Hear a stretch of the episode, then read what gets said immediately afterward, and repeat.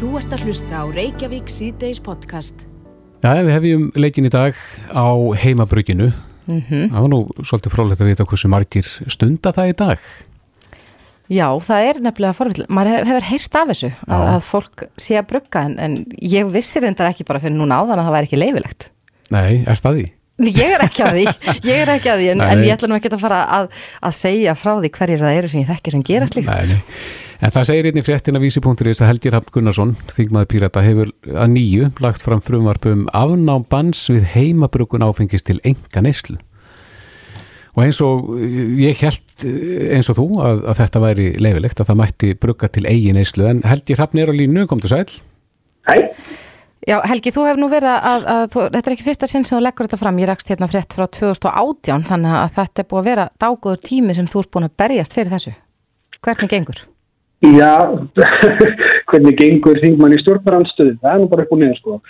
En uh, vel að minnst að fólk veit ekkert að þetta sé bannað. Það er vegna þess að þetta er viðtekin venja í samfélaginu, þykir ekkert next kannlegt og það er mér þess að félag sem heitir Fágun sem að er áhuga manna félag um heimabruggun sem að starfa fyrir opnum tjöldum, mætir í fjölmiðlaviðtöl og, og, og heimsækir alþingi til þess að gefa álit á ýmsum þingmálum. Þannig að það er engin tilraun fólk sem er í heimabruggun til þess að fela aðhæðið en það þykir það ekki nextalegt og þykir ekki vera vandamál. En það er líka sel, seldur búnaður það ekki til þess að, að stunda þetta. Það, það, það er eitthvað, ég, ég, ég bara þekki það ekki, ég kann ekki. Það er ekki ámann, ég held það. En sko, uh, það sem hins vegar er vandamálið er að í lögunum er alltaf sex ára fangilsvist við því að bruka, við heimabrukun. Já. Og þessum lögum er náttúrulega ekki framfyllt sem betur fer, en hættan er svo að það verði einhver tíman einhver aðeins og geð undur lauruglustjóri einhver staðar sem að fyrir að taka upp á því að framfylgja þennan fulli horku. Og það var bara þokkala stór hópur í samfélaginu sem að einmitt hreinlega veit ekki endilega að, að það sé ólöglegt sem er allir komin bara í mjög vond lagaleg vandamál að mínum að því að ósekju Akkurat. og, þess, og sko, þetta býr til sko, þá hættu að borgararnir hafa ekki raunverulegan um, aðganga réttlæti. Það er að segja, sko, í, í stjórnarskrá þá segir að lög skuli byrta. Það virkar eins og common sense sem við erum vönd því. Borgarinn á að vita að hverju hann gengur. Það, geng, það er slæmt að eitthvað sé sko harðbannað með, með, með frekar þungum refsingum sem samt viðgengst átverulegst í samfélaginu. Það býr til geðþóttavald hjá lögreglu og dómsvaldi sem að er slæmt og það er algjörlega skjön við réttaríkið og, og líðræðis fyrirkomunlegið. Þannig að þú veist, þegar við sjáum svona misræmi millir lögjafar og raunveruleika, þá eigum við endur skoða lögjöfina ef við getum og þarna sá ég tækifæri til þess og þess vegna vil ég gera þetta. Mér er sjálfum alveg sama um heimabrukun, sko. Ég stundu það ekki sjálfur, hef engan áhuga á því en, hérna, en ég hef hins vegar áhuga á því að verða rétt borgarna kakvart yfirvöldum og þessi staða er mjög vond fyrir fólk En- sem, sem brukar heima. En já, jafnvel þó að þeir sé alveg sammöta þá eru nú einhverju sem að láta sig málið varða og til dæmis landlæknir sem leggst gegn þessu. Það gerði það allavega árið 2018 og, og með þeim rökum að, að þetta myndi, að allar breytingur á áfengislögum væri til þess fallan að auka aðgengi að áfengi. Og nýslu þá. Sko, það, það, það er einhver oftrú á bönn á Íslandi að það að banna burt vandamálið í samfélaginu. Í fyrsta lagi, þannig að auðvitað einhvern veginn er fullt af aðlum í samfélaginu sem eru vonandi hættu það að eitthvað sé heimilt og leifilegt á Íslandi sem gæti hugsanlega verið skadalegt. Það er ekkert ný orðræða. Hitt er síðan svo staðræð og það er staðræð að þetta bann er ekki að halda aftur af fólki. Það er ekki sem bendir til þess að með því að- fjarlæga þessa hótun og þá aukist heimabrökkum. Það er augljóst og það er feringin eftir þessu banni. Það er engin sínilegur áhugi, hvorki hjá lögjáðinu með hjá framkvæmdavaldinu á að framfylgja þessu banni. Þannig að hvaða, hvað, hvaða fólk er ekki að brugga núna sem byrjar að brugga við lögmengu þess að fluga. Brugmars. Það fólk er ekki til. Fólk bruggar bara heima þess. Það gerir það bara. En held ég, hvað eh, mælir gegn þessu? Það er að segja þeir sem að er þetta spurningum að, að ríki verði af tekjum, af, af sölu áfengis eða, eða hvar er, Nei, það kemur því ekkert neitt. næ, Kemur því ekkert til. Það kemur sölu fyrirkomulagi bara ekkert til. Og, og það er ekkert dríka til um það. engin að missa náttúrulega- spón úr sínu maski með því að, að lefa þetta? Nei, aftur sko, lögin eins og þau eru í dag hafa bersýnilega engin áhrif á hefðum fólks. Þannig ég býst ekki við að neitt breytist, ekki neitt við það að þetta frumvarp sé lögfest. Það eina sem breytist er það að, að það er ekki lengur þetta ósamræmi millir lagana sem að hóta þungum fangilsisræsingum og raunveruleikana sem við búum þegar við. Mm -hmm. En heldur þetta muni ganga betur hjá það núna heldur það að gera fyrir tveimur árum eða þreimur árum að koma þessi gegn? Ég vona það auðvitað. En ég segi, ég segi ykkur eins og segja ofta því lengur sem ég er í politík því erfiðar að finnst mér að spá fyrir um framtíðina. Mm -hmm. Já, Helgir Hafni Gunnarsson, Pírati, það verður frálega að sjá hvaða meðferð þetta mál fær núna. Eh, hefur rætt þetta við áslögu örnu, dómsmálar á þeirra? Uh, ég er náttúrulega kvarta undan þessu svolítið í pontu og finnst, finnst sko hálf hlægilegt sko Sjálfstæðisflokkurinn er alltaf að, að tala um frelsi og frelsi og frelsi og hann, hann, hann stendur sjálfur sína plikt þegar kemur að viðskipta frelsi og vil hafa mikið viðskipta frelsi og allt er góð um það. En þegar kemur að einstaklingsfrelsi, að verða einstaklingin gagvart ríkinu sjálfu, nefnilega þeim, þá einhvern veginn mætir maður alveg stokkoslu áhugaðleysi á hálfu sjálfstæðisflokksinn sem maður er, mér finnst, frekar treytandi. Ég myndi vilja óska þess að það væri aðeins meiri alvar á bakvið einstaklingsfrelsi einstaklingsfrælsins talir því að einstaklingsfrælsi vantar alltaf liðsynni það er alltaf eitthvað með að erum svona ákveðin afgangsstærði í pólitík að, að fólk með bara lifa sínu lífi eftir sínu eigin höfði jafnveg þótt að eitthvað annar eitthvað um öðrum finnist það sko ekki gott og, og sko já þannig að ég bara ég vona innilega að ég fái stuðning við þetta frumart úr þeim röðum já. ég hef ekki orðið mikið varfið að hinga til en, en nú ættum breytið það Já já, Helgir Hafn, kæra þakkir Takk fyrir. Þú ert að hlusta á Reykjavík C-Days podcast. Við ætlum að halda eins áfram með áfengi. Við heyrðum á hann í Helgarhafni Gunnarsinni, Pírata, sem að uh, leggur fram frum varpaftur, sem að heimabryggja verður rauninni gert löglegt. Akkurat, til enganóta, eða enganíslu. Einmitt. Og talaði þar um og skautur endar á sjálfstæðismenn. Já. Talaði um að sjálfstæðismenn væru allir fyrir viðskiptafrelsi en einstaklingsfrelsi að þar vantaði þessu upp á. Akkurat. Áslögarna Sigurbjörnsdóttir, dánasmálar á þeirra. Sjálfstæðiskon er komin til okkar, velkomin. Takk fyrir. Já, þú er komin yngar til þess að ræða eins við okkur um áfengis uh, frumvarpið þitt, en aðeins fyrst að því sem að Helgi Hrappn saði hérna áðan. Uh, eru þið tilbúin að styðja? Já, að... ég styðst þetta mál og Já. sagt það áður og bara gott frælsismál og í púkin á öðrum málum sem eru til umræðið þinginu. Um, ég veit að teka ekki undir hans orðum sjálfstæðarflokkin, þetta er alrámt en það e, á þeim stöttatíma sem ég hef verið í námsmálraðandinu hef ég lagt fram nokkur frælsismál e, af þeim sem hægt er að breyta í dómsmálraðandinu, það eru þetta frælsi til vals á nöfnum, mannafna frumvarpi sem er nú til meðferðar í þinginu. Og nú var að koma inn í þingi líka frumvarpi mitt um uh, breytingar á áfengislögunum. Ég hef bara sverið því lengi að koma því að um, og hluta því er núna komin inn í þingið.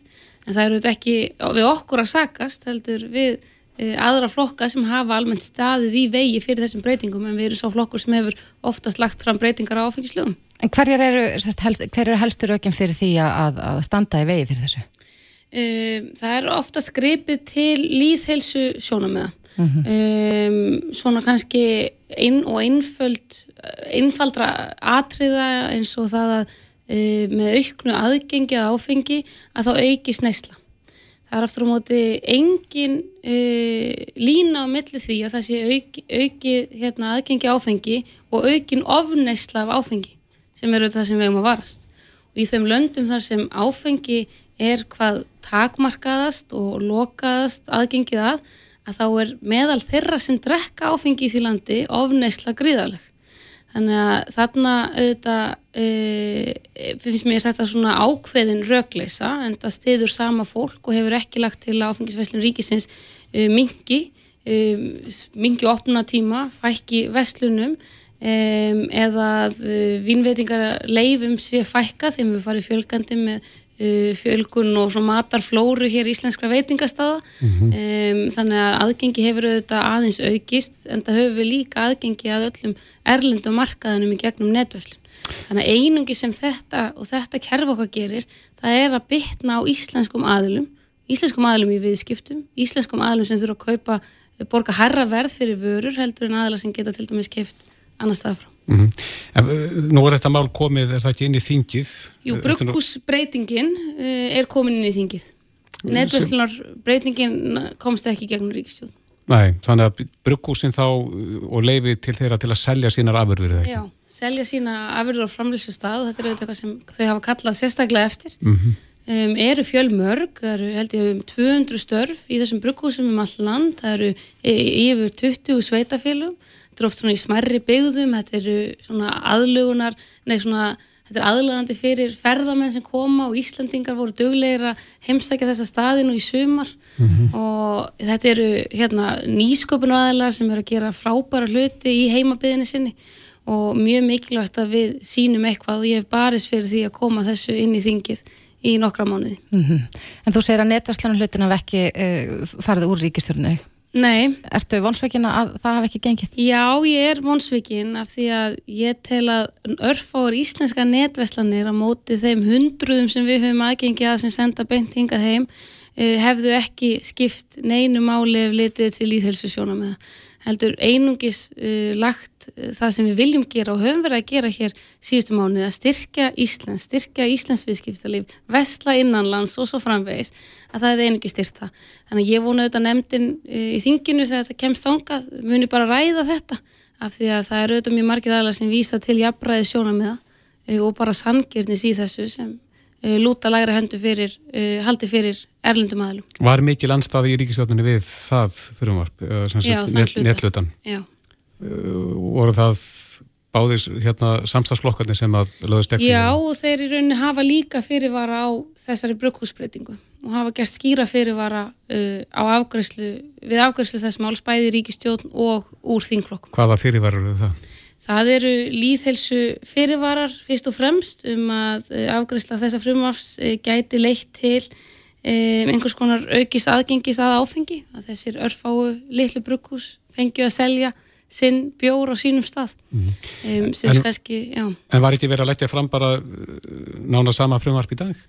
Jú, og það skýtur kannski mjög í skökku við það að sama manneskjan sem gerir mikla fyrirvara við mitt frumvarp leggji sambarlegt frumvarp fram e, eftir að hérna ég hef, hafi barist fyrir málunni í lengri tíma. Hver, hver leggur frumvarpi fram? Það eru þrýr þingmenn framsvonarflokksins mm -hmm. uh, úr landsbyggja kjördæmum en það sýnir kannski það að mér hefur tekist í umræðum þetta mál vel til að sína fram á hversu mikilvægt þetta er fyrir Íslands samfélag, fyrir lítil hérna, byggðalög, fyrir sveitafélag landsins og hérna og þetta er auðvitað bara, ég er búin að reyna að rökraða þetta mál og sína fram á mikilvægi þess að styðja hér við flóru íslenska atvinnulífs og þessi litlu fyrirtæki líka og þannig að ég sé ekki betur en að þau sé orðin ósamála sínum eigin fyrirvara um, og hafa síðan ljósið og taka mitt mál uh, hérna, og leggja það fram með örlittlum breytingum. Mm -hmm. er, hver, hver er munurinn á þessum, uh, þessum tömur frumvörpum fyrst að þú segir að þau séu mjög keimlík? Já, þau eru afar keimlík, það er hérna bara mjög uh, sama orðalag, þau eru að leggja til að við gangum lengra í vínmagni, vínandamagni þannig að það má vera sterkara vín sem er selt eins og íslensk gin og vodka og stærri brugghús. Þetta eru breytingar sem ég vildi líka leggja fram en uh, fekk ekki í hérna uh, svona lagði til minni háttar breytingar á þessu en þau eru líka með að það megi bara selja ákveðin magna af eintækjum þannig að þú meður kannski bara kaupa fimm eða þrjú eða sex eintök af bjórnum. Er þetta sama frumarpið eins og orðað? Já, þetta er, þessum... já, þetta er hérna, eh, mér sýnist þetta að vera alveg, alveg sama frumvarpi sem er lagt fram þarna eh, af nokkur þingunum frá samfélagsins og það eru auðvitað ekki höfundaréttar hérna, reglur í þinginu en það eru auðvitað svona einhverja óskrifaða reglur og hérna, þetta er eitthvað sem ég hef ekki séð áður með þessum hætti. En ég held að ég verði nú að líta bara á þetta sem stuðning við frumvarpið um, og þar komur fram breytingar sem ég hef rætt fyrir að vika þá út sem valla getur þá staðistöðu líðhelsesjónamið sem fyrirvarni segja til um. En að sama, sama skapi hef ég sagt að það er afar erfitt að haldi þá reglu að þú meði bara selja eina kippu af því að hvað lang, líða langum tímamelli mínúta, klukkutími, sólarringur og hver á að fylgjast með því. Þannig að hérna, en ég held að þetta sé bara mjög mikilvægt mál. Ég fagnar bara að fleiri sjá í ljósið með frelsið og að við getum stutt hér sveitafélögum um all land og ég held að eh, það greinilega virkar að berjast og rökrað um þetta mála því að e, ég held að e, svona fleiri og fleiri hafi séð undafarið og bara í sumar hversu mikilvægt þessi aðlar eru fyrir svo mörg lítil samfélag og að við ætlum ekki að vera einhverju eftirbátar annar að landa hér e, í e, að styðja við okkar hérna fyrirtæki. Aðeins yfir annað, eh, pláss í fangjölsum landsins er, ekki, er á skornarskandi Heldur betur. og uh, nú er verið að tala um að, að auka úræði þegar það kemur að samfélagsþjónustu. Þú ert nú með eitthvað smíðum þar eða ekki? Jú, ég var að leggja fram í samráðskátt uh, stór auknar breytingar á samfélagsþjónustu. Það er þannig um, að hátt í 700 manns, uh, 631, 8 einstaklingar, uh, allavega árið 2020, uh, hafa verið að býða eftir afplónun. Ég reyðist því umfangsmiklar breytingar uh, og vinnu við hvernig við getum náða þessum vanda niður af því að uh, kerfið okkar í dag og plássin okkar í fangilsinu ættu að ráðast við, ráða við árlega dæmda refsingar en það er bóðunarlistin sem gerir og skekkir alla myndina. Hann hefur myndast hratt á undanfjörnum árum út af auknum þunga í refsingum og í kerfin okkar og ég hef því verið að gera ímislegt í þessu og eina af þeim stóru breytingum er að leggja til til svona hérna, prófunar í þrjú ár að uh, alltaf tveggja ára fangelsisrefsing geti orðið að samfélagsjónust og þetta muni auðvitað leta verulega á. Ég hef líka lagt til náðanir á fólki sem hefur beðið lengur en þrjú ára afplána og í því finnst mér sérstök refsing. Er, Eh, er allir glæpir þar undir? Nei, þetta eru auðvitað almanna hagsmunir og ákveðin skilir sem þú þarft að uppfylla sem þú getur ekki uppfyllt með samfélagsjónustu. Hva, hvaða glæpir getur það verið? Óbeldisglæpir? Já, einhverjir ofbeldisglæpir þar sem er talið bara almanna hagsmunir krefist þess að uh, þú afplánið þinn dóm innan veggja fangelsa en oft eru það nú dómar sem fara yfir tveggja ára eða 24 mánuða markið. E, í dag hefur verið þannig að ef þú flyttur dóm sem er undir einu ári eða 12 mánuði e, þá getur þú sindi í samfélagsjónustu en það eru margir dómar þarna aðeins yfir 13, 14, 16 mánuðir um, sem ég finnst að við gætum kannski fengið betur út úr því að fá þá aðla í staðin fyrir að býða í mörg ár eftir afplánun að þeir getu frekar uh, afplánað með samfélagsjónustu. Já, þú talar um þetta sem tímabundi verkefni, er þetta til þess gert að, að, að sko grenga á þessum bóðunarlista þannig að eins og þú segir að þá getur kerfið okkar alveg, alveg höndla þann sko Já. fjölda sem er dæmdur á hverju ári. Einmitt já, uh, miklu leiti er það það. Ég vildi ráðast í svona uh, stórar breytingar til þess að ráðast á listanum ná einhverjum árangri með að ná honum niður. um, en ég held að líka sé ágætt að taka þetta til þryggja ára og skoða svo því loknu hvort við viljum halda þessu áfram, hvort þetta hafa bara gefist vel, hvort að við höfum náð fleirum inn á beinu brautina, endur komið tíðinni hafa kannski minga og svo framvegis um, eða hvort við viljum fara aftur í sama horf að halda bara okkur við eitt ár uh, til að geta uh, afplána með samfélagsjónustu. Hvað er fólkið í samfélagsstjónustu? Þetta er nokkuð breytt hugtak. Já, það getur einnig verið rosa breið og mi- mismunandi vinna. Stundum er það aðstóð hérna, uh, við bæina, þetta getur verið aðstóð við hérna, velli, verkavinna, einhvers konar, ímis konar hérna, þrif, uh, einhvers konar sinna einhverju umhverfis reynsunum og fleira. Um, og það er alveg margs konar, það er alltaf að bæti í flóruna. Og, ég, hérna, og það kannski líka mun gerast núna eftir að fleiri muni fá þetta, þessa afplánun og fara í þessa afplánun að þá mun vantarlega fjölga svona þeim tækifærum sem hættir að sinna með samfélagsjónust. Rétt aðeins að lókina því að það hefur verið mikil umræðum umræðu hefðin á Íslandi og uh, það sem að framkýmur á samfélagsmiðlum, hitin þar, hótanir gegn stjórnmálamönnum, árásir og annað slíkt, hvaða skoðun hefur á þessum málum?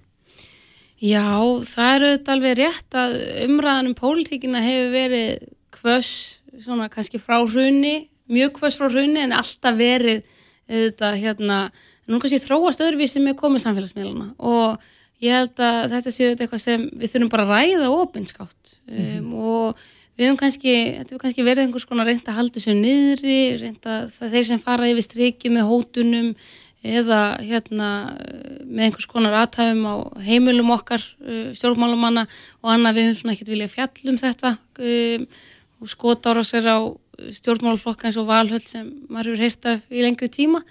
Eh, Þetta er kannski að breytast núna með er umræði sem hefur verið síðustu daga og það eru þetta bara mikilvægt að stjórnmálumenn njóti sömu friðhelgis á heimili sín og öryggis eins og aðri borgarar ekki síst af því að mér langar að fá gott fólk inn í stjórnmálinn og ég vil að fólk hafi áhuga á að starfa í stjórnmálum og það eru þetta hérna, það, það sem ég hef verið að gera er að hvetja ungt fólk til að taka þátt í pólitík og bjóða sér fram og vera óhrætt við það og þá þurfum við að tala óbiskátt um það ef, uh, ef eitthvað svona sé að stoppa. Hefur þú fengið alvarlegar hótanir? Já, það hef ég gert. Uh, eitthvað sem getur sagt okkur frá? Já, ég hef fengið ymsar hótanir sem hafa beinst gegn mér og fjölskyldur minni og einni heimsóknir á heimili mitt. Já. Hefur þetta vakið upp óhug hjá þér? Finnur þú fyrir sko, skerstu öryggi? Þegar ég hef svona almennt kannski, ég hef tilkynnt auðvitað þetta um, og, og þegar það hefur verið hérna svona ráðist að mér með einhverjum hætti þegar ég út á götu bara þegar ég er að lappa eða mínum, í mínu enga lífi um, og ég hef tilkynnt slikt um, og ég hef vel kert slikt En þú segir þú að það fengi heimsókn heim Hva, hvað gerðist þar? Þá var uh, bara límt alls konar skilabóð og hérna um, og blöð í andiri mitt á fjölbísósinu sem ég bý mm -hmm. hérna, Skilabóð til þín? Já Og veistu hverju voru þar að verki? Nei, ég veit ekki. En uh, stílabóðan voru þau þess aðeins að þú hefur getað rætið til einhverja mála sem þú vart að vinni? Já, já, þau eru kannski hérna, og stundum er þetta hérna, sum, við verðum að geta tekist á um pólitík og við verðum að geta raugrætt hana og hérna, verið ósamála með einstaklega mál og, og annað en hérna um, það þarf auðvitað og það hefur verið, held ég svona almenn sátt kannski eftir hrunið, eftir þau alvarlegu atveg sem komið þar upp að heimili stjórnmálumanna séu svona greiðar staður eins og annars fólk sko. Mm -hmm. Þannig að ég held að hérna, það væri auðvitað von mín að það er áfram svo. En telur þú svona sem dónsmálar á þeirra að þurfi að auka öryggi og öryggiskeslu svona í kringum ráðamenn? Það þarf auðvitað bara að skoða það. Eh, ég held svo sem að öryggi í kringum okkur sé ágætt og á sama tíma viljum við ekki hérna uh, hverfa til þess staðar sem önnulönd eru og mörgum orðlönd til dæmis. Eh, við viljum geta gengið um í samfélaginu óáreitt. En við viljum hafa eh, ráðafólki okkar örugt líka. Það sjálfsögðu, þannig að þarna þarf að finna milliveg mm -hmm. sem ég held að við höfum náð þokkalega vel utanum uh, undanfarið. Mm -hmm. Borgarstjóri hefur til dæmis ekki fallið almennt undir þær öryggisrástafanir sem ráð þeirra falla undir. Þarf að breyta því? Efsta stjórn ríkisins, eða efsta stjórn, það er eitthvað sem er í skoðun eftir síðustu atbyrði. Mm -hmm. Er þetta nýr bara raunveruleiki eða er hægt að snúa þessari þróun við, heldur þú? Já, við þurfum auðvitað, það má, það er líka að skoða hvað var á bakvið og annað uh, í þessu tilviki, um, en nei, við sáum auðvitað stöðuna kringum hrunnið og skemtaverk og alls konar hjá stjórnmálumönnum þar. Við þurfum auðvitað að horfa til þess hvort að við þurfum að gera eitthvað betur, en ég held að við þurfum líka að ræða umræðu hefðina og hérna bara hvernig við tölum saman og tökum stáum pólitík og annað og, og það er mín einlega óska að fólk sjáu að pólitík er skemmtilega því hún er almennt mjög, mjög skemmtileg og það er gaman að taka stáum hugmyndir og ná fram málunum sínum og maður verður sjaldan glæðar en þegar maður sér að það er eitthvað að komast í gegn sem mun skipta fólk máli mm -hmm. og þannig á það að vera og verður held ég og vona áfram en við þurfum auðvitað alltaf að fara yfir öryggisatriði síðan meðfram Áslögu Arna Sigurbjörnsdóttir, Dónsmálar á þeirra. Kæra þætti fyrir komuna. Takk fyrir mig. Hlustaðu hvena sem er á Reykjavík C-Days podcast. Reykjavík C-Days, það kom fram í fréttum dagsins í dag að, að eh, efnisveitan Viaplay muni sína leiki í Íslandska landsliðsins mm -hmm. og þetta er 6 ára samkómulag og nær til 60 Íslandska landsleikja. Já, svo er margir sem spyrja hvað þýðir þetta? Eh, þessi leikir hafi verið síndir hérna eh, í ríkisjónarpunum. Mhm. Mm En uh, á línunni Guðni Bergson, formadur KSI, kom til sæl. Já, komið sæl. Ja, það er margi sem að rökva við þegar að síningarétturinn er, er seldur og landi.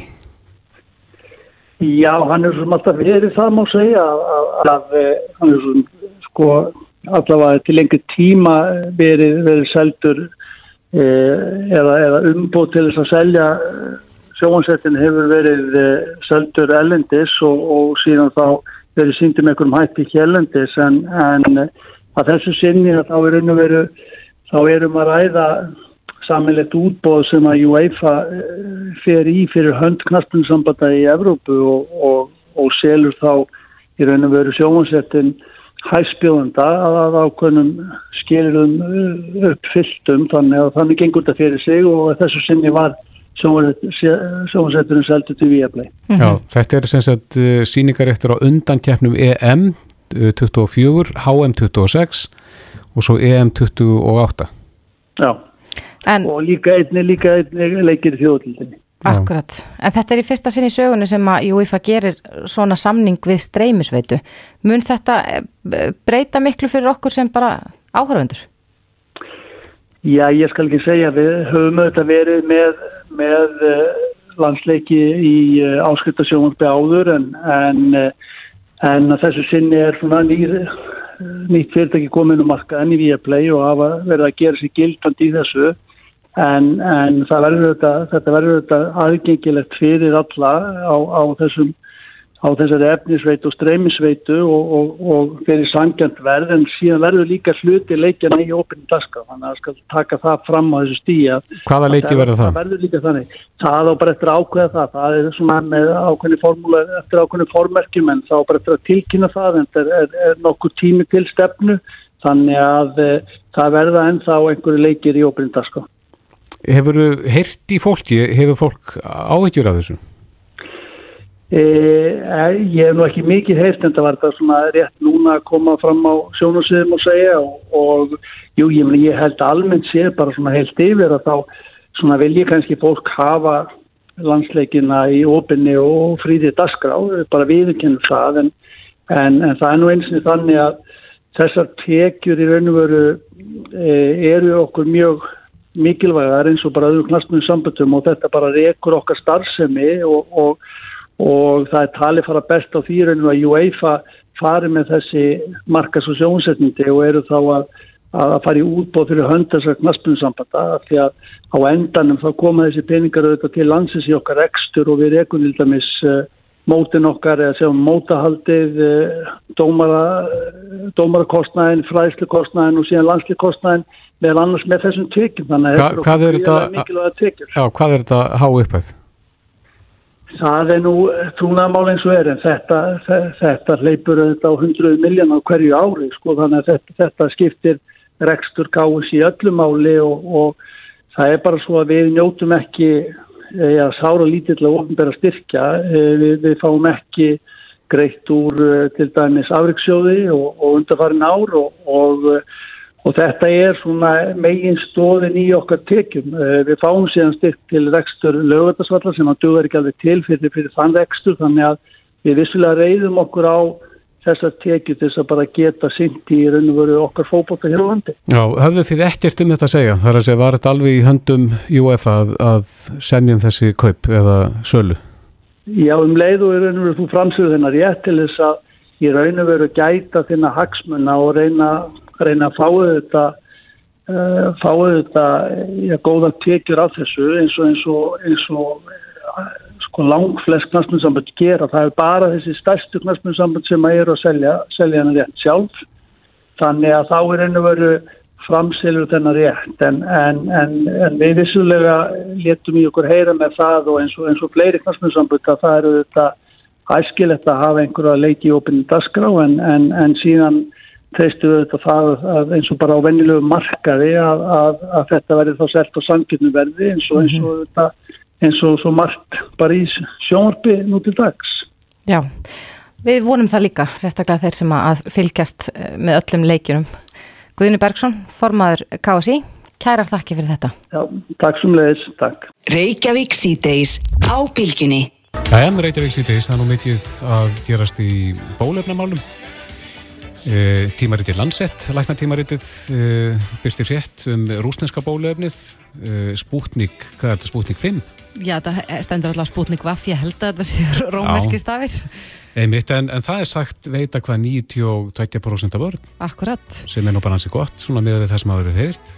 Já Ég held að það hafa allir verið nokkuð tortregnir í garð þessa bólefnis en, en sko þetta bólefni fekk markaslefi í Úslandi mánuðum áður en að niðurstöður og klíniskum rannsóknum á lokast í voru byrtar mm -hmm. þannig að, að fólk var svolítið skeptist Já, en e, þetta er byrt í landsett sem að er nú ákveðin svona gæðastimpill. En e, á línunni er Björn Rúnar Lúðvíksson, professor í ónæmisfræði og yfirleiknir ónæmisleikning á landsbytalannu, sæl Já, góðan daginn E, Rúsarnir, þeir koma nokkuð sterkir inn þetta með þessa fréttir? Já, þetta er náttúrulega mjög ánægilegt að, að, að við séum núna loksins búin að fá uppgjörið á þessu þessu bólefni sem þeir eru búin að vera með núna í þróun sem mm -hmm. er að koma þarna frá Gamæla vísendaseturinu þeirra í, í Moskvu sem er endar mjög öflugt vísendasetur og, og rannsónarstöð sem hefur þróað önnu bólefni líka eins og fyrir ebólu og, og sýstur veru koronavirunar eða MERS. Þannig að, að þetta er ánægilegt að við séum nú loksins búin að fá sko uppgjör og svona reytrýnda niðurstöður. Að nefnur að ræða niðurstöður á heildarrannsónahópurinn verið um 23.000 þar sem að 16.000 manns fengur bólefni og svo var viðmjöndarhópurinn restinn og, og niðurstöðunar að það er eh, allavega að benda eh, klálega til þess að þetta bólefni sé að virka mjög vel og þetta bólefni er mörguleiti áhugavert að það er uppbyggt eh, ekkert ósvipað eins og bólefni hjá AstraZeneca. Það er að segja að það er verið að nota adenovírusin sem svona flutningsmótor sem er þeim bara skjelin af vírusnum er, hann getur ekki fjölga sér í, í, í, í þegar hann er búin að síkja frumunar. Og svo losnar þá erða efni sem að einni heldur upplýsingarnir um spúknik prótinin þannig að ónumis svari geti farið að, að mynda skeggt á þessum prótinum og gefa okkur vörd sem að sannlega verið síðan komir í ljós.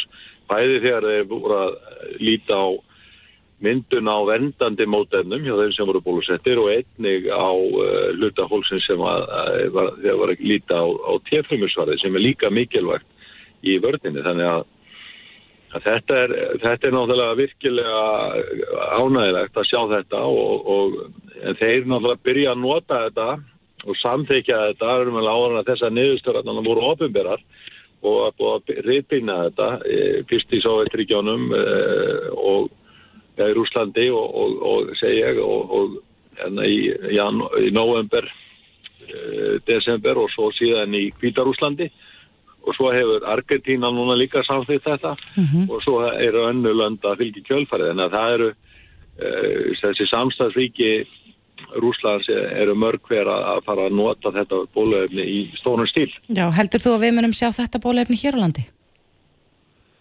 Svo ég held að, að heilbjörnsöðulegt hafa ekki gert neina uh, samninga eða sé neina viðræði að mér vitandi allavega um, um notkunn á þessu bólöfni hérna en það í sjálfur sér núna þegar það er komið leiði fyrir Pfizer, BioNTech og og svo Moderna og svo núna AstraZeneca fljótlega svo reiknaði nú með að Jensen bólefni sem er ekkert ósvip að uppbyggingu og, og þetta Sputnik 5 eða bólefni þá, eh, þá séum við nú komið með nokkuð góðan, góðan skamt en sannlega er þetta viðbót í þessa flóru og, og fleiri bólefni sem eru, eru í pípanum og, og væntaleg sko. Já Rétt aðeins yfir í stökkbreytingar á, á þessu breska afbríði, nú voru fréttir að berast að því að, að það sé komin einhver önnu stökkbreyting, er þetta eitthvað sem við þurfum að hafa áhyggjur af?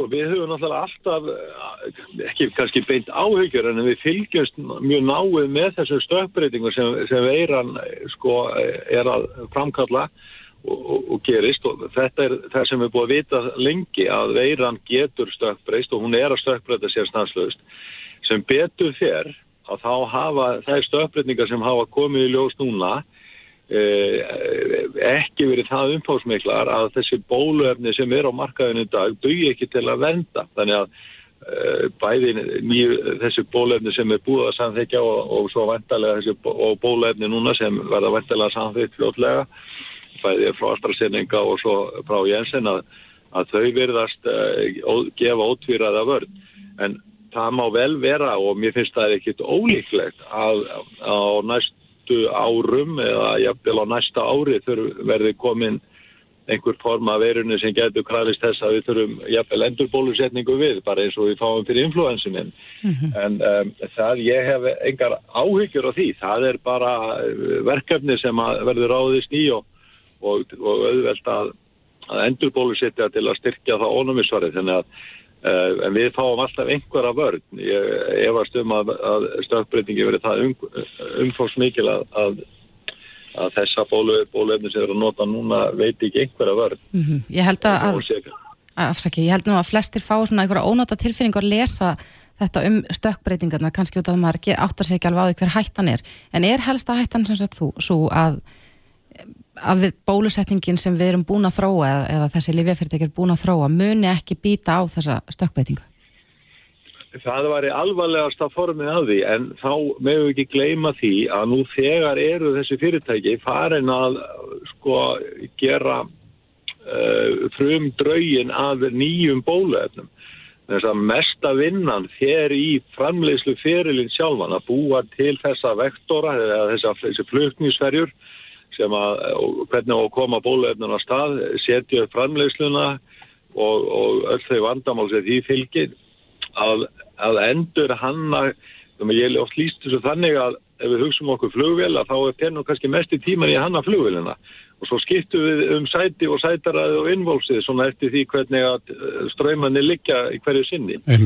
Og, og, og það er um að það sem við, erum, við getum hugsað þetta í, í þessu tilveiki í, í sinni einföldustu mynd. Þannig að, þannig að ég, það er ekki stæsta vandamálið að, að breyta bólefninni lítilega eins og við fyrirum eins og að gera með, eins og influensun eins og við talaðum á það Já, rétt hans í lókin Björn uh, að því að nú er verið að bólusetti og það hefur verið talað um það að, að tilkynntar aukaverkanir, svona vægar aukaverkanir geta verið þá uh, hitti og, og svona slappleiki en á sama tíma heyrum við að það séu eðlilegar, eðlileg viðbröð líkamess og það sýnir það að, að líkamess sé bara og ónæmistjærfi að rakka í gang.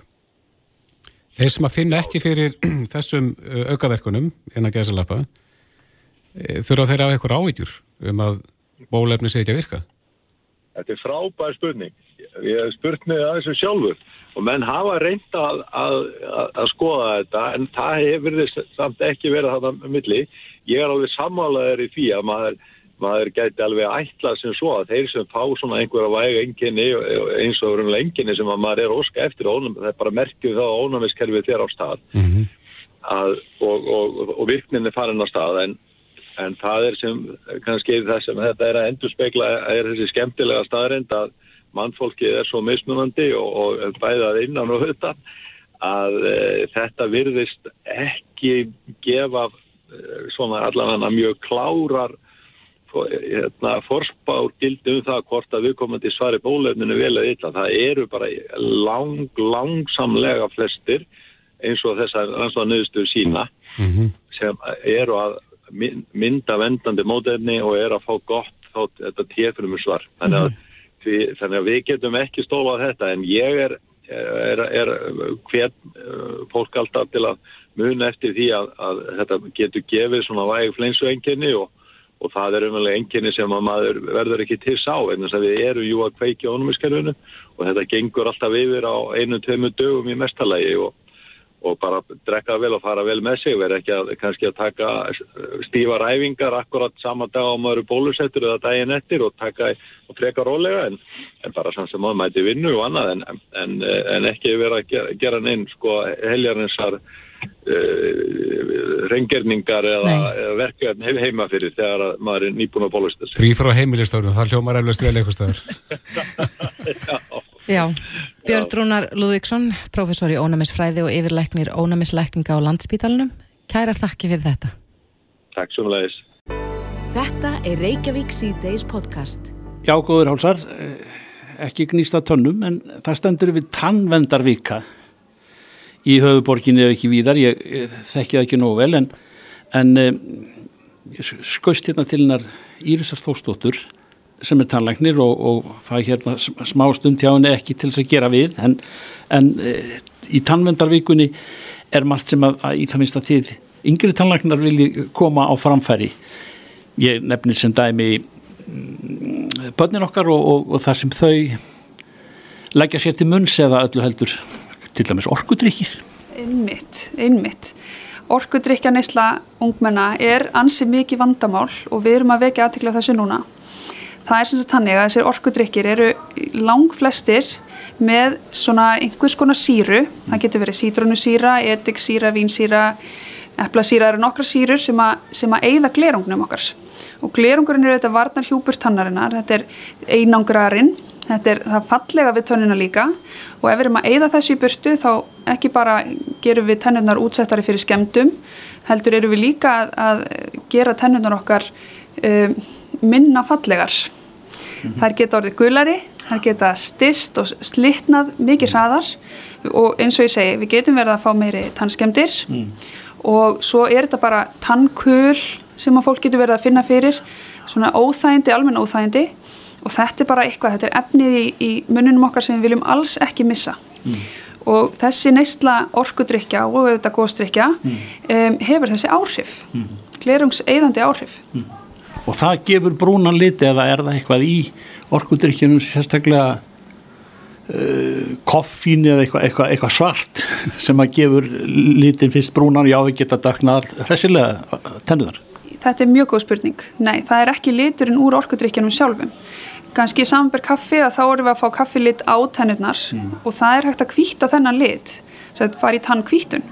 En þegar við erum að missa glerungin að þá verður hann þinri og þinri og í gegnum þennan þunna glerung fer að skína tannbeinið sem að er vel gullt mm. og þá fáum við gulari tennur og það er í rauninni útskýringin á því og þetta er litur sem við getum ekki kvítað í burtu.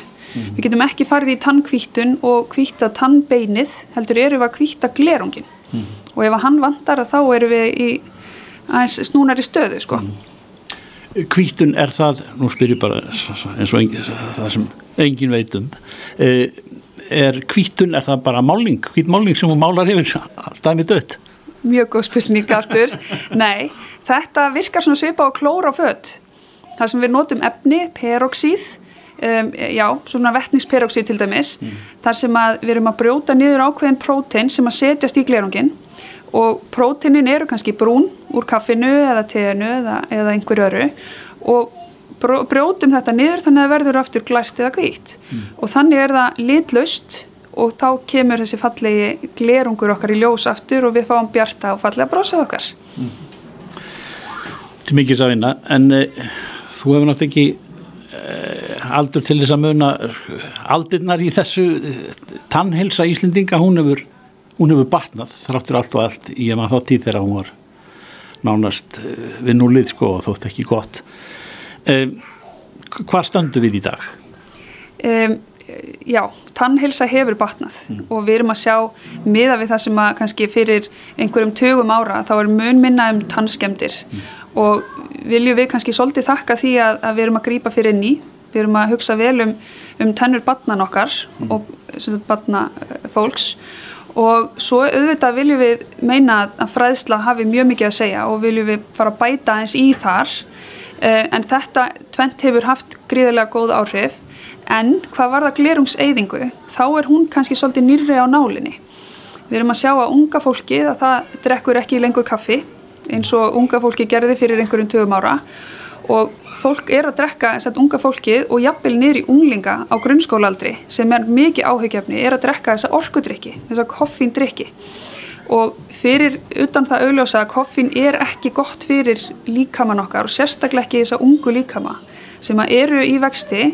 Og þetta er til dæmis efni sem að margir halda að við þurfum í íþróttaiðkun en við þurfum ekki.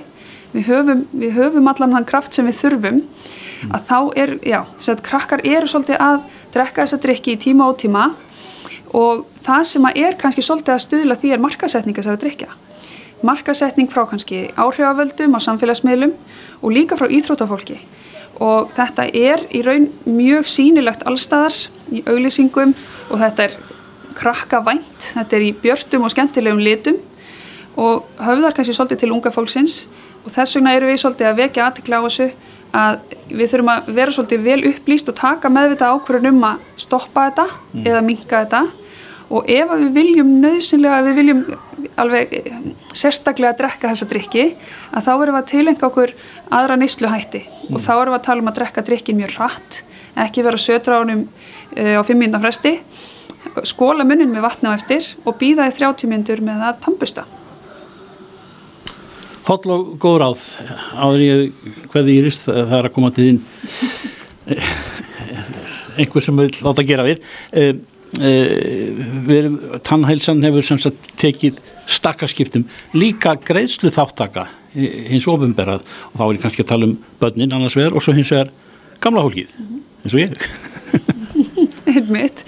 Þetta er náttúrulega bara æðislega jákvægt og börnin er að fá tannþjónust, tannlækna þjónustu nánast fría, það er 2500 krónar árgjald mm. sem að fóröldar þurfa að greiða en að öðru leiti þá erum við að ekki að borga neitt fyrir börnin okkar til tannlæknis og bara hvetjum við þetta alla til að mæta með börnin sín til tannlæknis mm. um, Varandi allir lífis þega og eru ekki að þá erum við að fá 50% frá sjúkratringum uh, sem greiðslu þáttöku uh, með nánast, eða svona flestum meðferðum það er ekki þessi implantasmíði og krónismíði heldur er það þessi lausu tanngerfi og hefðbundnar tannlækningar eins og, og fyllingar og rótfyllingar og úrdrættir og tannig mm. skoðanir og myndir og allt þetta. Þannig að þetta er auðvitað bara jákvægt mm. og vonum við að þetta verði bara alltaf. Mm. Íri Stórstóttir tannlæknir, Eilíkir Tafjalengur Takk fyrir þetta og áfram með tannvendaveikuna Takk hjálpa fyrir mig Reykjavík Reykjavík sittis og bylginni heldur áfram. Það kom fram á, á í frett á vísi.is í gæra áallega er að um 5 til 7.000 einstaklingar búi í svo kallum óleifis íbúðum hér á landi. Já, hvað þýðir það, óleifis íbúður? Þetta er þá húsnæði sem er skipulagt undir atvinnustarfsemi mm. en er nýtt til íbúðar fyrir einstaklinga. Er ekki, er ekki samþýgt sem sagt... Uh... Nei, það var þetta deiliskeipulagi segið til um að þetta sé atvinnuhúsnæði og, og, en þarna býr fólk og þetta er Já, þetta er í raun og veru kemur fram í, í samantækt vinnuhóp sem var skipaður til að sapna upplýsingum um mm. Eh, fjölda svona óskráðra íbúða. Já, Anna Guðmynda Ingvarstóttir er aðstofafóstur í húsnæðis og mannvirkjastofnunar, kom til sæl. Já, sæl.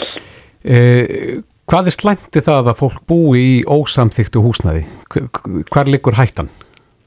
Já, hættan liggur í raun og veru því að við, við erum ekki með upplýsingar um þessa uh, búsetu uh mhm. -huh. og það má segja sko að rétt skráning tryggir til dæmis bara rétt viðbröð og þar er leðandi má segja að raungskráning uh, getur þá leitt til rángra viðbröða og þá er ég að tala um eins og við, uh, viðbröð viðbröðsæðila þar sem að uh, kemur upp vá sem dæmi uh -huh. til dæmis ef að kviknar í ef, ef að er snjóflóð eða, eða jarskjáltar en, en líka bara uh, viðbröð sjúkraflutningamanna eða, eða reynlega barnavendar yfirvalda. Mm -hmm. Það hefur oft verið umræðinu að, að, að hinga komi erlend vinnuafl, fólk sem kemur hinga til þess að vinna og, og er oft, oftar en ekki í svona ósamþyktu atvinnuhúsnaði. Er þetta, er þetta ekki líka bara spurningu um sko, mannréttinda að fólk búi við ágætan aðbúnað?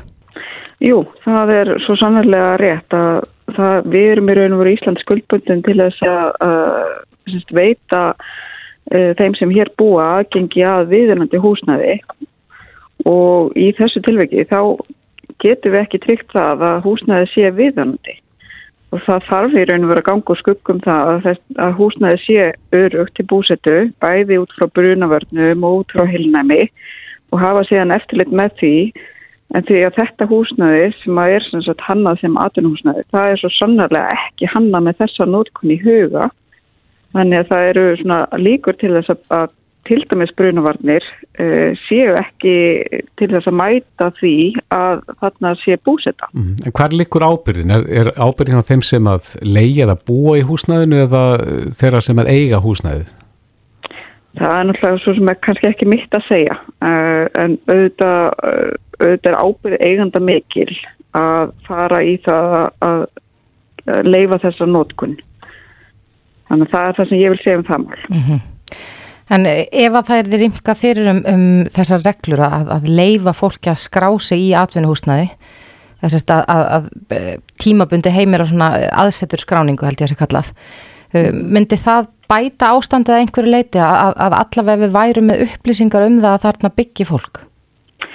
Það myndi bæta strax að hafa upplýsingar um það hvar, hvar fólki býr og þá í raun og veru til þess að bæði bæta viðbröðin en líka til þess að geta þá tekið út húsnaði og haft eftirlit með því að brunavarni séu lægi.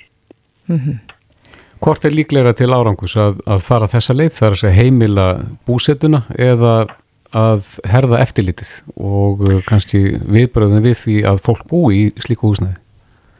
Ég held að þetta verði að vera einhvern veginn svona samblanda báðu og þetta er í raun og veru, sagt, þetta er staða sem er, er núna eh, raunveruleg. Við vitum af því að það er, er talsveru fjöldi af fólki sem að býr í ólefusbúsetu.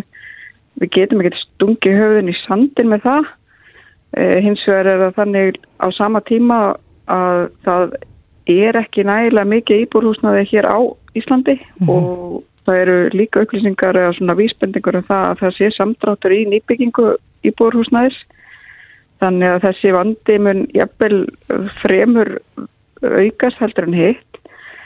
Eh, Þannig að meðan að við erum að vinna okkur út úr því og finna er raunveru lausni til langs tíma þá er mjög mikilvægt að, að finna leiði til þess að ná þessu upp á yfirborðið og geta bröðist rétt við. Við munum eftir þessum ræðilega bruna sem varð á Bræðraborgastík en, en það var vissulega íbúðarhúsnaði þó að þar hafi verið skráðir 73 einstaklingar eh, með lögheimili. Eh, eh, Tvinnast þetta ekki saman eða tengist þetta ekki að, að það þarf að bæta aðbúnað eh, þessu hóps? Algjörlega, þetta tengist algjörlega saman og í raun og veru var náttúrulega eins og við Bræðraborgastígu var bæði íbúrhúsnaði og atunhúsnaði eh, en þetta sýnir bara það hvað upplýsingar eru kannski slælegar um búsetu fólks og, og það hafa verið gerða breytingar á lögum til þess að bæta það. En á sama tíma þá, þá uh, hefur það vissuleiti þar afleðingar að við erum að missa upplýsingar um búsetu í atinúhúsnaði en, og þetta skýtur mjög skökku við á þessar upplýsingaöld sem að við búum að, að, að þessar upplýsingar séu svona lélegar og mjög mikilvægt að bæta þar úr og við erum í raun og veru núna HMS uh, að beðni félags- og batnmálar á þeirra með tillögur um úrbætur uh, á samráðsvettvangi uh, þar sem að við tö- tökum meðal annars þetta varðandi óleifisbúsetuna og líka aðra tillögur í, í tilumna brunanum með bræðraborgastík. Hvaða tillögur eru það? Við erum í raun og bara eins og segja að, vinna tillögum uh, um úrbætur uh, á framkvæmdi eða regluverki uh, þar sem við förum svona heilt yfir hvað getum við lært, hvað lærdom getum við af þessum sæðilega atbyrð og við munum skila þessum niðurstöðum til ráþyra í þessu mánuði, vendi ég og hann uh, síðan vinna með þær og setja í samanláskátt stjórnvalda. Já, er eitthvað svona sammert með þessu húsnað sem er ósamþygt til, til búsetu í? Er, er, er, eitthvað, er eitthvað sem við getum svona se- sett sem samnefnar yfir það? Nei, í raun og veru ekki. Er það alls konar? Já, þetta er alls konar og, og það, það er eiginlega bara eigur alvarleikan. Já, Anna Guðmunda Ingvarsdóttir, aðstöðarforstjóri húsnæðis og mannvirkjastofnunar. Kærar þakki fyrir þetta. Takk, takk. Reykjavík síðdeis á Bilginni podcast. Vikurnar eru mertar ymsum hlutum okkar daglega lífs e, þessa COVID-daga. Látum það lönd á leið með að við ræðum alvöruna mál sem að leiði svona í láginni fyrir, fyrir COVID-inu en, en e, e, vika 6 nefnist það tengt kynfæræslunni að sjálfsögðu í höfuborginni. E, það er ímislegt sem að þar þarf að ræða og ymsar gáttir sem þarf að opna og, og, og, og fræða og svo framviðs og framviðs. Sigardök, e, það er alltaf þörf á þessu. Já, það þarf alltaf að tala um þetta. Þetta er líkaminn og lífið, þetta er allt. Uppafið, og- uppafið og endurinn, er það ekki? Jú. Nú, nú tek ég eftir því að því að ég kall að eitt af því sem ég hef heyrt af þessu, mann hnýtur um það sem manni kannski maður e, finnur til með drengjum sem eh, eru á bólakaf í kláminu og, og þurfa jafnvel á stinningarlifjum að halda til þess að standast prófið þegar hólminn er komið með elskunni sinni. Er, er þetta nýtt eða er þetta eitthvað viðvarandi? Sko, ég held að sé kannski ekkit stinningalíf er náttúrulega tiltölu ný þannig ef við horfum að, að það út frá því. En það sem við náttúrulega þurfum að fara að gera er að spýta í með þetta samtal. Ég var til dæmis að tala við fymtabekk núna í morgun og þegar ég spurði þau hafið þið, hafið þið heyrt þetta orð þekkið þetta, hvað það þið séð á netinu? Þá könnuðist náttúrulega flestir við það og þá gáttum við bara að tekið þetta samtal. Og ég hef tekið þetta samtal um klám alveg niður í fyrsta bekk þegar þau hafa heyrt þetta orð og bara spurt. En ef við ætlum alltaf að segja uss það má ekki tala um þetta þú átt ekki að vita þetta. Eða bara ekkert samtal um líkaminn og, og, hérna, og kynlífið. Hvert eiga þau að fara og hvernig eiga þau að gera það? Og hvenar eiga þau þá líka að setja þau mörkin með klámið, hvað er eðlilegt og hvað er ekki, hvað er ofmikið áhorf eða þú veist þarf að horfa á að horfa allt þetta? Og þegar það er bara þögnin sem mætir þeim þá geta náttúrulega einhverju lent í vandræðum. Mm. Er þetta ekki erfiðara viðfangs í dag en í gær? Það er að segja, þetta er orðið svo nærtækt og, og, og þetta er út um allt þegar við erum að tala um tækni nútímanns. Jú, þetta er miklu nær okkur heldur en það var en þið kallmenn alltaf verið í bölvið vandræðum í heil langan tíma sko. þið sittir svolítið pressa okkur að þið að kunna og geta og standa í, í hérna, öllum veðrum og vindum þannig ég held að loksins núna erum við kannski að fara í, í fleiri blæbriði þess hvers er ætlast til af ykkur og hvers ætlist til til af ykkur sjálfum? Menna að tala við drengi til dæmis bara um tippaðu þeirra, það er því líka ránkugmyndir og vannþekking í gangi.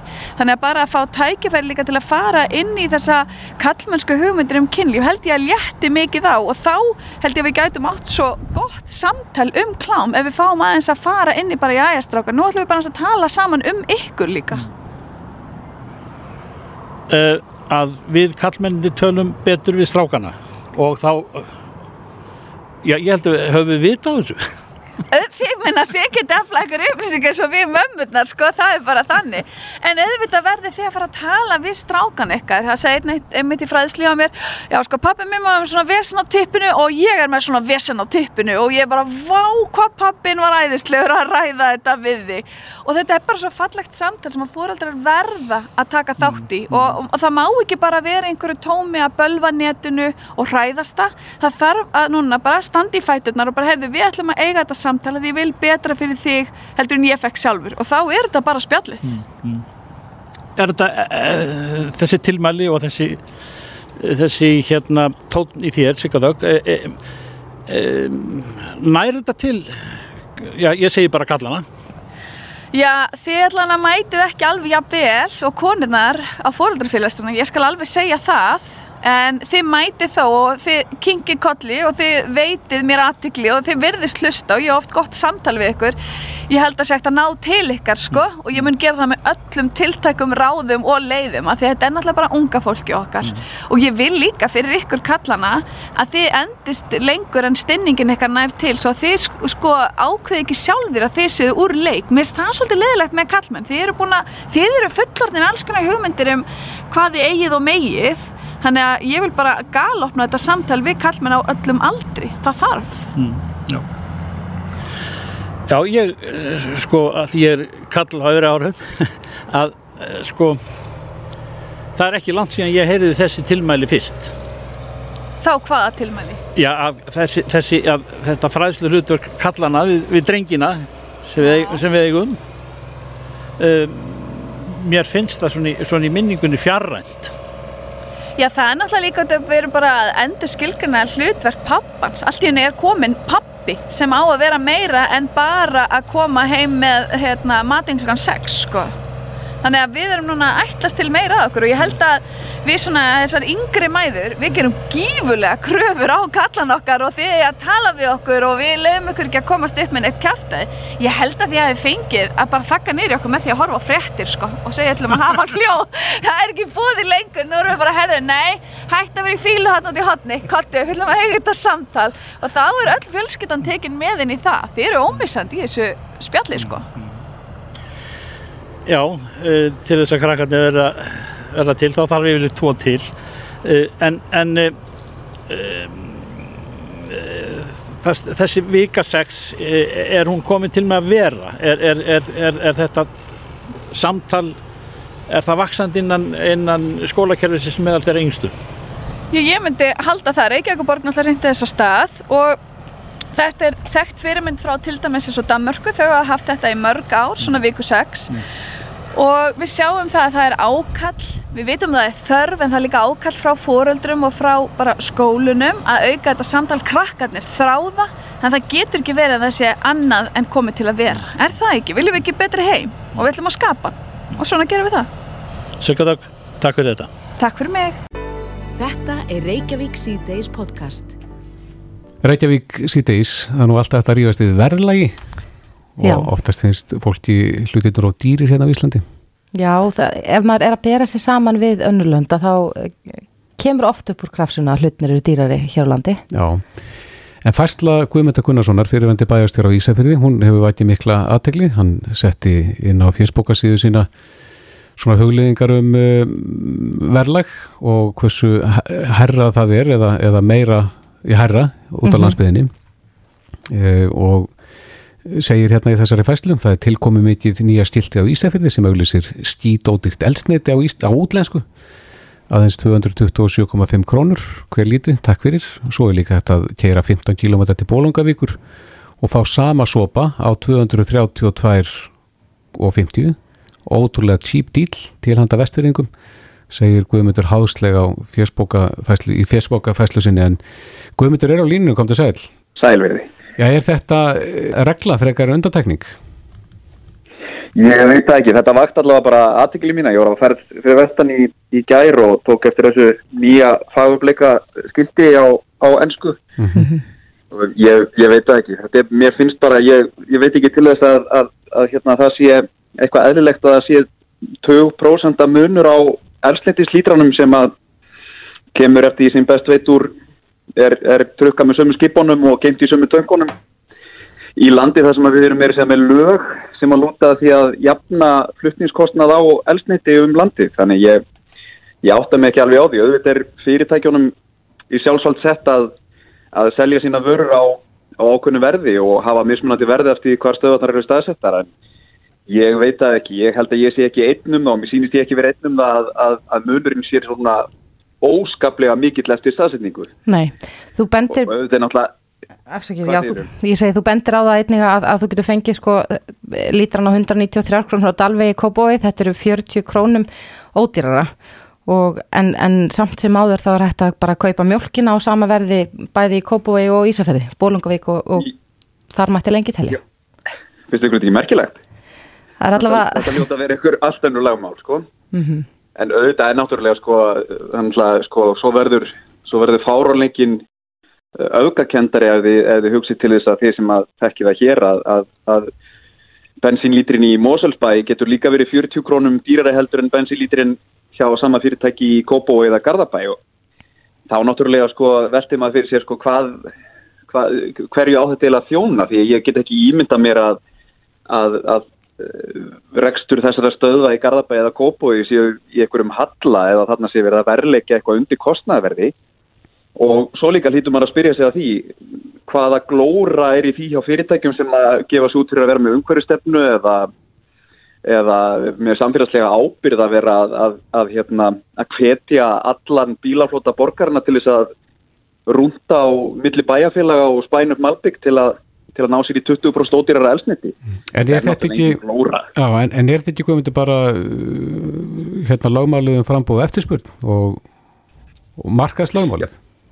Já, það lítur að vera líka þá í maturu, er það ekki? Ég myndi allavega að segja að það væri þá allavega sko grá upplög dauða færi fyrir þessi fyrirtæki sem eru vantanlega líka í samkeppni á markaði fyrir vestan að, að hérna, taka sér nú aðeins á og, og býta aðeins frá sér og, og hérna, reyna þá að ná til sín viðskiptum.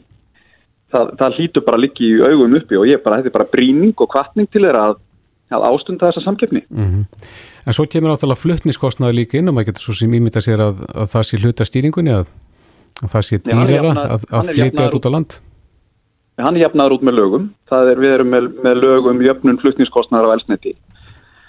Um, ég veit ekki til þess að við sem er sambarileg lög um flutninga á maturu, þannig að það er einhvern veginn þau rög halda þá ekki. Mm En ég veit það ekki. Svo erum við náttúrulega, við, það er þetta að benda til Noregs, það sem að er uh, kannski að mar- að margra mati virkari byggðastefna heldur en hér, það sem að, að lögmálið er frekar þá í hináttina að elsniti verður ódýrar eftir því sem þú fjarlægist eða, eða ferð lengra út á land. Það er kannski eitthvað sem við ættum að horfa til, mörgum fyrst það kannski eitthvað aukastefna.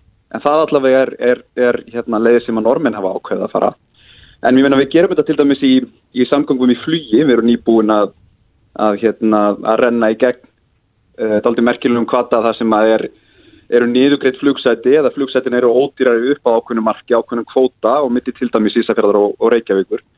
Og ég veit það ekki, ég spyr mig að því er, hvenar, ég hef nú ekki reiknað það en hvenar er alveg hagstætt fyrir íbú á Ísafjörði að, eða hvað þarf hann að hafa með sér marga bensínbrúsa í niðugreittu flugi til þess að, að ná sér í 20% ódýrara bensín í, í Reykjavík og fara með það vestur og, og ef, ef, ef, ef að það er hægt og ef að það er einhver mynd sem við erum með þá erum við sennilega komið með einhvers konar heimsmet í eh, óumhverfisvænum kvata í samgöngum það ekki? Já, Ég man allavega ekki til þess að munurinn hafi verið svona óskaplega mikil Nei. og auðvitað er þetta með tilkomu eh, einhverjar bensinstöðvar sem er í mikilli samkeppni í, Garðabæ og, og víðar en, Mhm. en mér finnst þetta bara sko, og þessi markasetning við þessum hætti cheap fuel in Iceland sem ég veit ekki við hvernig er verið að tala eða, eða ákvaða nótum, mér finnst þetta bara sko, mér finnst menn verið að tala að býta höfuðu á skömminni já.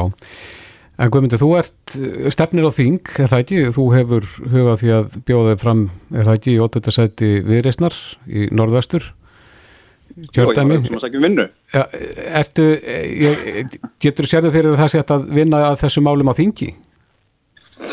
Það er þetta að vinna öllum málum á þingi en þetta er náttúrulega, ég er nú bara að benda á þetta sem sko, sem venjulegu neytandi. Já. um, mér, þetta er náttúrulega bara fyrst og fremst neytenda mál og á sama tíma og fyrirtækjanum er í, í sjálfsvald sett að haga málum með þessum hætti þá geta þau ekki einhvern veginn sett svo upp á móti því að, að neytendur kingi þessu.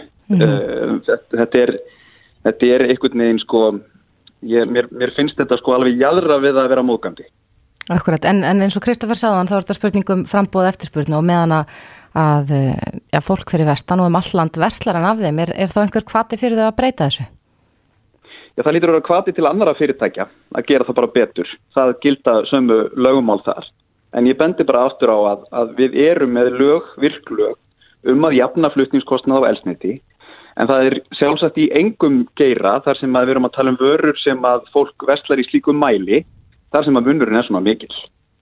Því að þetta er, þetta er sama vara frá sama fyrirtæki sem að það sem verðið byggir og það hleypur á 20% eftir því hvað þú er staðsettur þrátt fyrir að við erum með kvata til þess að jafna flutningskostnað. Þannig að við tökum hann bara út úr myndinni og við spyrjum þá ef að matvaran getur gert þetta, ef það ert að gera þetta í matvöru, af hverju ekki í allsniti? Já, kannski er besta svarið við þess að fara yfir að rafbíl. er það ekki besta svarið við öllu? Það getur verið. En, en það er nú, því er nú kannski ekki til að nei. sérstaklega fyrir vestan þar sem að, að við erum náttúrulega ennþá háð því að, að það séu hlæðslustöðvar og, og, og teknísi komið þangað hægt sé að akkur langa mig. Já. Guðmundur Gunnarsson, fyrirvændi bæjastjóri á Ísafyrði. Uh, Það er hægt að lesa þessa fæslu, er hún ekki opinn, fæslan hefur á fjörsbókinni? Jú, alveg öruglega. Já, kæra þakki fyrir spjallið. Sömmulegis, takk fyrir að hengja.